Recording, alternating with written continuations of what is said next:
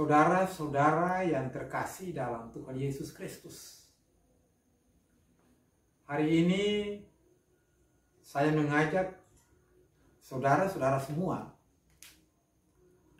untuk kita memahami tentang janji dari Tuhan kepada dunia, bangsa-bangsa. Janji Tuhan yang disampaikan kepada Nabi Yeremia untuk bangsa Israel. Dan janji itu telah digenapi di dalam diri Yesus Kristus. Saya mau tanyakan kepada saudara-saudara. Kalau seorang ayah atau orang tua yang berjanji kepada anak-anaknya, kalau itu tidak ditepati, saudara-saudara merasa kecewa atau tidak? Pasti saudara-saudara merasa kecewa. Apalagi janji itu mengandung makna dan arti bagi masa depan anak-anak. Dan janji itu tidak boleh di, diterjemahkan ketika kepada anak-anak tidak bisa diterjemahkan bagi itu untuk kepentingan orang lain. Itu tidak boleh sama sekali. Saudara-saudara, yang berikut, kalau karya ilmiah seseorang bila dicuri dari hasil karya orang lain namanya disebut plagiat. Dan orang yang mencuri hasil karya penulisan itu disebut plagiator. Pastinya dikenakan hukuman karena dia mengambil hak cipta orang lain dan menyatakan dirinya sebagai pencipta. Salah atau betul? Kalau perbuatan itu dilakukan terhadap iman Kristen, apa sikap kita sebagai orang-orang Kristen yang diutus oleh Tuhan di dunia ini untuk mempertanggungjawabkan iman Kristen dan kepercayaan sesuai janji Tuhan di dalam Alkitab. Kenapa saya katakan demikian? Karena akhir-akhir ini ada kelompok-kelompok dan pribadi tertentu yang secara vulgar menyatakan di berbagai media dan perdebatan terjadi bahwa Tuhan Yesus Kristus yang dinubuatkan dalam Alkitab perjanjian lama baik juga dalam perjanjian baru bukan kepada diri Yesus tetapi kepada seorang nabi yang di luar garis keturunan Israel. Yang diungkapkan oleh pribadi-pribadi dalam medsos adalah Nabi Muhammad SAW sebagai nabi yang terakhir. Itulah pernyataan dan kehidupan pribadi manusia yang mencoba memutarbalikkan kebenaran Alkitab dan memasukkan nama lain ke dalam Alkitab. Sementara proses sejarah keselamatan yang dibuat tidak dimengerti atau mengerti, tapi mencoba menyesatkan umat Kristen di dunia ini. Dengan perbuatan tidak menyenangkan hati Tuhan itulah akan berisiko besar bagi dunia yaitu kejahatan besar yang dapat mendatangkan bencana global maupun bencana nasional. Untuk itu harusnya ditelusuri dan ditelah dalam pembacaan kita hari ini. Yeremia pasal 31 ayat 1 sampai 15 dalam perjanjian lama. Dengan judul penulisan perjanjian baru. Tapi yang saya berikan untuk penulisan teks itu dengan tema pembaharuan janji Allah dan penghukuman kepada dunia. Yeremia adalah Nabi Israel yang memulai nubuatannya mulai berumur muda 20 tahun saat dimulai dari Raja Yosia. Nubuatannya selalu berga pada saat raja berganti raja sampai dengan Sedekia. Di mana bangsa Israel ditawan oleh Raja Babel Nebukadnezar dan dibuang ke Babel. Semua kehancuran bangsa Israel sudah dinubuatkan oleh nabi-nabi Israel. Termasuk nubuat kehancuran kepada bangsa-bangsa lain yang menolak Yahweh itu. Tapi nubuat Yeremia dianggap memperburuk Israel. Sehingga sebagai nabi sendiri dia dihalang-halangi. Dia disensarakan dan disiksa. Dan menurut Yeremia, bukan saja hukuman kepada Yehuda, tapi juga kepada bangsa-bangsa sekitarnya. Nubuatan Yeremia bukan saja tentang kehancuran, tetapi juga menjanjikan berkat dan pemulihan dari sebuah perjanjian yang baru di masa yang akan datang. Janji yang bersifat eskatologi bagi dunia bangsa-bangsa melalui bangsa Israel. Pemulihan perjanjian itu disampaikan saat bangsa Israel berada di pengasingan di Babel yang digambarkan dalam Yeremia 31 ayat 1 sampai 40. Sangat menonjol seperti seorang bapak mengasihi anak-anaknya yang menjanjikan masa depan. Demikian Yahweh. Pada ayat 1 Yahweh menyampaikan firman-Nya kepada Yeremia tentang pemulihan. Yaitu Yahweh sendiri memulai rekonsiliasi dengan Israel dengan menyatakan Yahweh menjadi Tuhan atas segala umatnya sebagai keluarga dan mereka menjadi umatku. Di situ membuka tabir tentang kasih setia Yahweh disebabkan keterikatan dengan janjinya kepada leluhur Israel yaitu Abraham, Ishak dan Yakub. Kejadian 12 ayat 1 sampai 9. Dan dibandingkan dengan keluaran 3 ayat 6. Di mana Yahweh menyatakan diri kepada Musa, akulah Tuhan ayah, ayahmu Allah Abraham, Allah Ishak, dan Allah Yakub. Allah yang tadinya mengasihi mereka. Tetapi karena kedurhakaan dan ketidaksetiaan Israel sebagai keluarga Allah. Maka Israel dipukul. Dan Israel dibuang. Tetapi Yahweh juga dengan kasih setia berdasarkan kesetiaan Yahweh kepada bangsa Israel sesuai janji kepada leluhur mereka.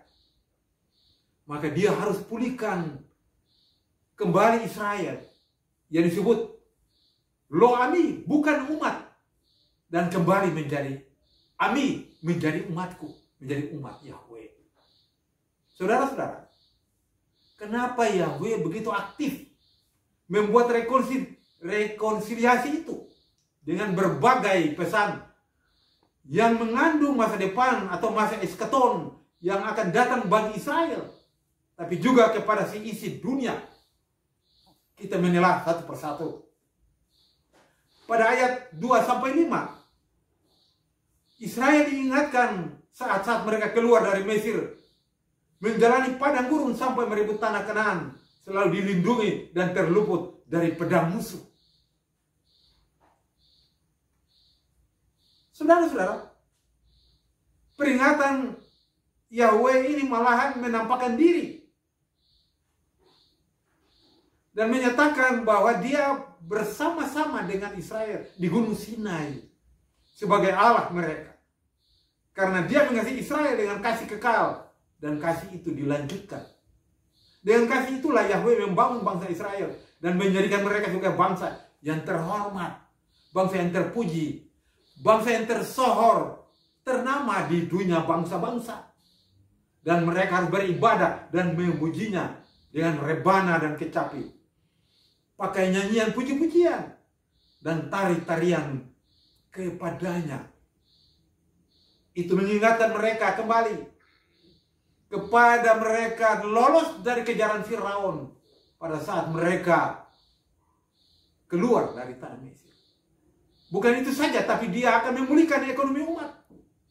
Penghasilan berlimpah di kebun anggur dan akan panen berlimpah akan datang dari datang pada hari besar untuk naik ke kota Sion lambang kedamaian dan sukacita besar. Allah kembali memulihkan baik pertanian mereka, baik peternakan mereka, baik kehidupan mereka untuk berlimpah-limpah sesuai dengan janjinya air susu dan air madu di tanah perjanjian itu.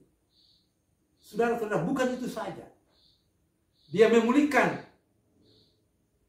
akan kehidupan mereka secara jasmani tapi mereka diberikan kekuatan roh, kekuatan spirit untuk naik beribadah dan menyembah Yahweh di Gunung Sion, tempat pusat pertemuan mereka dengan Yahweh sebagai bangsa pilihan. Kota Sion adalah tempat sukacita, tempat memulihkan kehidupan mereka kembali. Lambang kedamaian dan sukacita besar bangsa. Yang kedua, pada ayat 6 sampai 9, Yahweh menyampaikan pesan kepada Yeremia untuk menyampaikan kabar kemenangan dengan sorak-sorai kepada Yakub leluhur Ishak. Karena dia mengingat Yakub sebagai seorang leluhur yang punya 12 anak-anak yang menjadi 12 suku besar Israel yang diselamatkan yaitu sisanya pada saat mereka dibuang ke Babel itu. Dan mereka diharu birukan oleh Tuhan karena ketidaktaatan itu. Sisa itulah yang bertahan yang percaya kepada Yahweh yaitu sisa yang dipilih. Sisa dari keturunan Yakub untuk dibawa hidup-hidup dikumpulkan da dari tercerai berai di seluruh dunia ini yang telah diporak-porandakan karena mereka diberikan musuh-musuh termasuk bangsa Asur, bangsa Babel yang menjajah mereka. Dan menyebabkan penderitaan bersama keturunannya yang panjang itu. Dan penderitaan itu akan dipulihkan dan mereka diselamatkan. Mereka yang sisa itu dibawa pulang walaupun dengan tangisan tetapi Yahweh akan membawa mereka karena janji dan kasih setianya kepada Israel yang digambarkan Efraim sebagai anak sulung dari Yahweh sendiri. Yang ketiga, pada ayat 10 sampai 15, Yahweh memerintahkan Yeremia untuk memberikan pengumuman kepada bangsa-bangsa ke semua kota dan desa bahwa Yahweh yang menyerahkan mereka yaitu bangsa Israel ke pembuangan dan pengasingan. Dialah juga yang akan kembalikan dan yang dia yang mengumpulkan kembali mereka. Seperti gembala menggembalakan domba-dombanya. Dia membebaskan Israel dan menebusnya dari tangan orang yang lebih kuat pun dapat dibebaskan oleh Yahweh sendiri. Mereka akan kembali berbahagia dan damai di kota Sion. Karena kelimpahan ekonomi di bidang pertanian, kelimpahan peternakan, dan kesuburan tanah. Sehingga mereka tidak lagi merana secara jasmani maupun secara rohani mereka tinggal bersama Yahweh. Yahweh mengubah perkampungan mereka menjadi kegerangan. Baik anak-anak darah, orang tua, orang muda. Dia mengubah perkampungan menjadi kegerangan. Dan menghibur mereka yang berduka. Dengan kata lain, janji itu mengubah kedukaan menjadi sukacita. Kehidupan lama menjadi hidup baru. Hidup yang penuh kebajikan.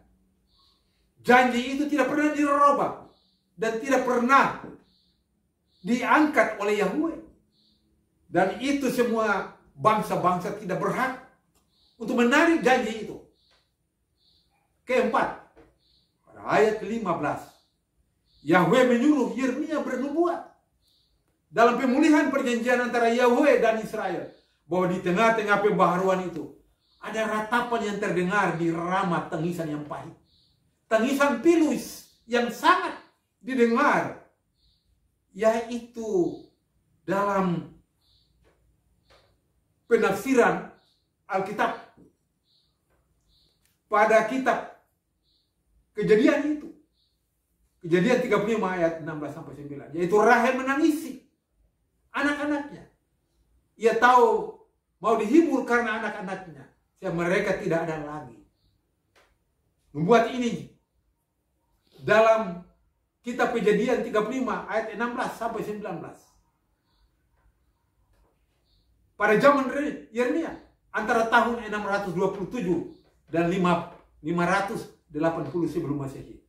Yeremia diminta ulangi peristiwa kesukaan yang dialami keluarga Yakub yaitu di dalam Kejadian 35 ayat 16 sampai 19 tentang kesukaran dialami Rahel ketika mau melahirkan Benyamin. Setelah itu Rahel meninggal dan nubuatan itu tergenapi dalam perjanjian baru. Dalam Matius 2 ayat 17 sampai 18. Peristiwa Herodes mencari membunuh Tuhan Yesus karena tidak temukan Yesus. Maka dia membunuh anak-anak di Rama, kota Bethlehem. Termasuk anak-anak dari seorang ibunya nama Rahel. Sehingga dikatakan genaplah firman yang disampaikan Nabi Yeremia dalam Matius 2 ayat 17 sampai 18. Dengan demikian genaplah firman yang disampaikan oleh Nabi Yeremia. Terdengarlah suara Rama, suara di Rama, tangis dan ratap yang amat sedih. Rahel menangisi anak-anaknya. Dan ia tidak mau dihibur. Ya mereka tidak ada lagi. Saudara-saudara bayangkan. Nubuatan dari tahun 600 627 digenapi di dalam perjanjian baru di dalam Matius 2 ayat 17 sampai 18. Bayangkan Tuhan tidak pernah menarik semua janji-janji kesetiaan Tuhan kepada bangsa Israel itu. Saudara-saudara terkasih di dalam Tuhan Yesus.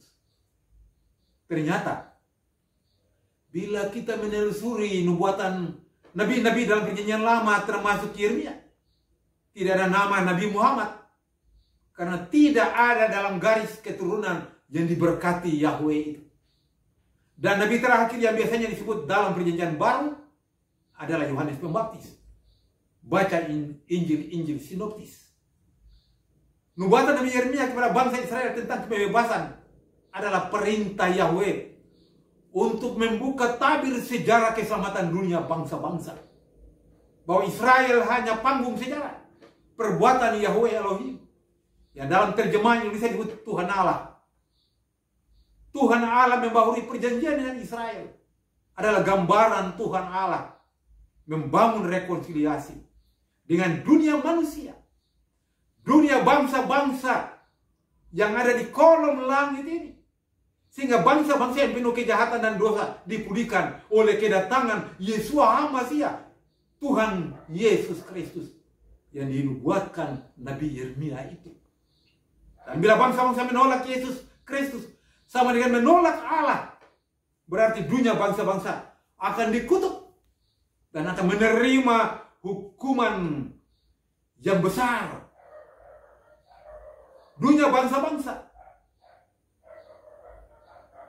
akan menerima bagian dari apa yang mereka tolak.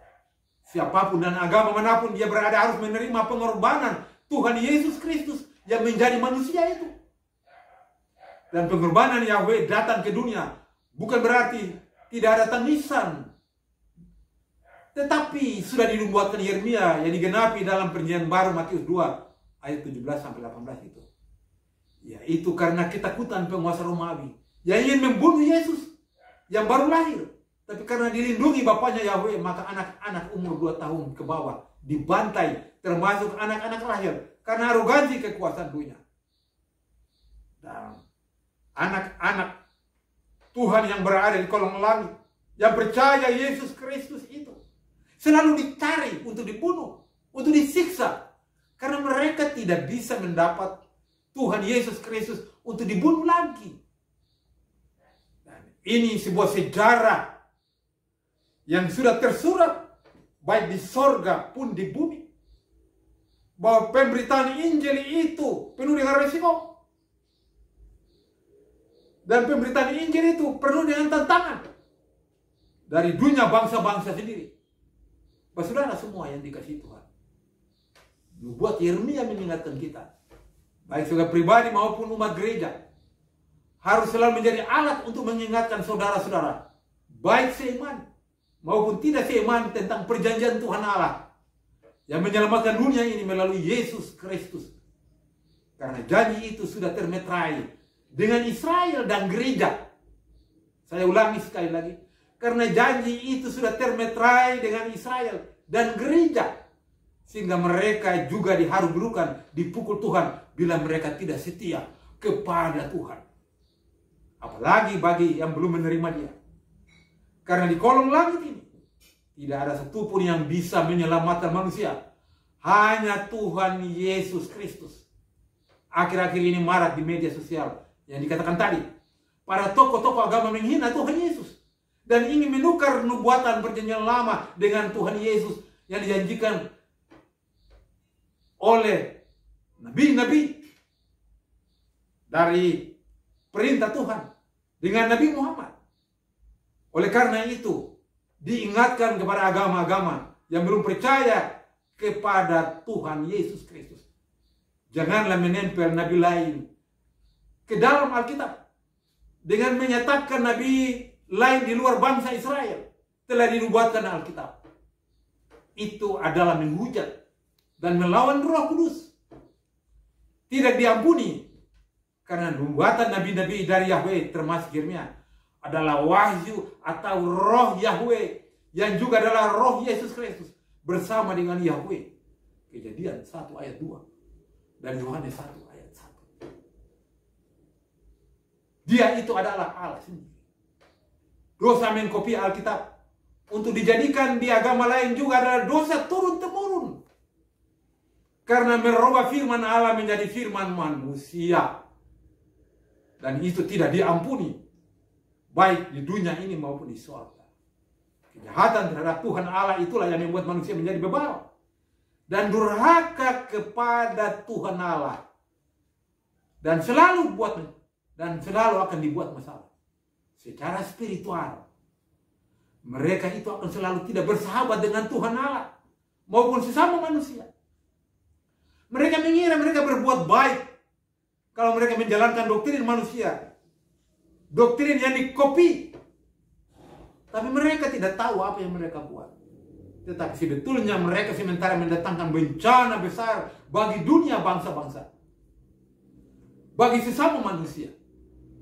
Itulah yang dikatakan Yeremia, tangisan dan ratap yang amat sedih. Menimpa mereka yang tidak bersalah.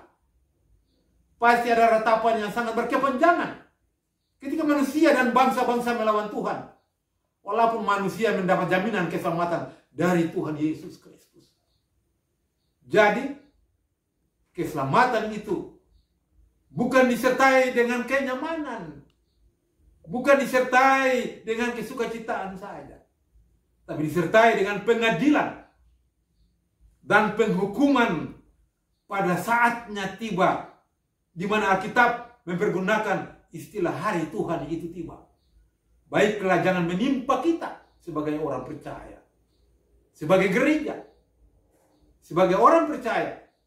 Agar kita tidak meratap tangis dan gertak gigi pada waktu penghukuman itu. Tuhan menyertai kita semua. Amin. Salam.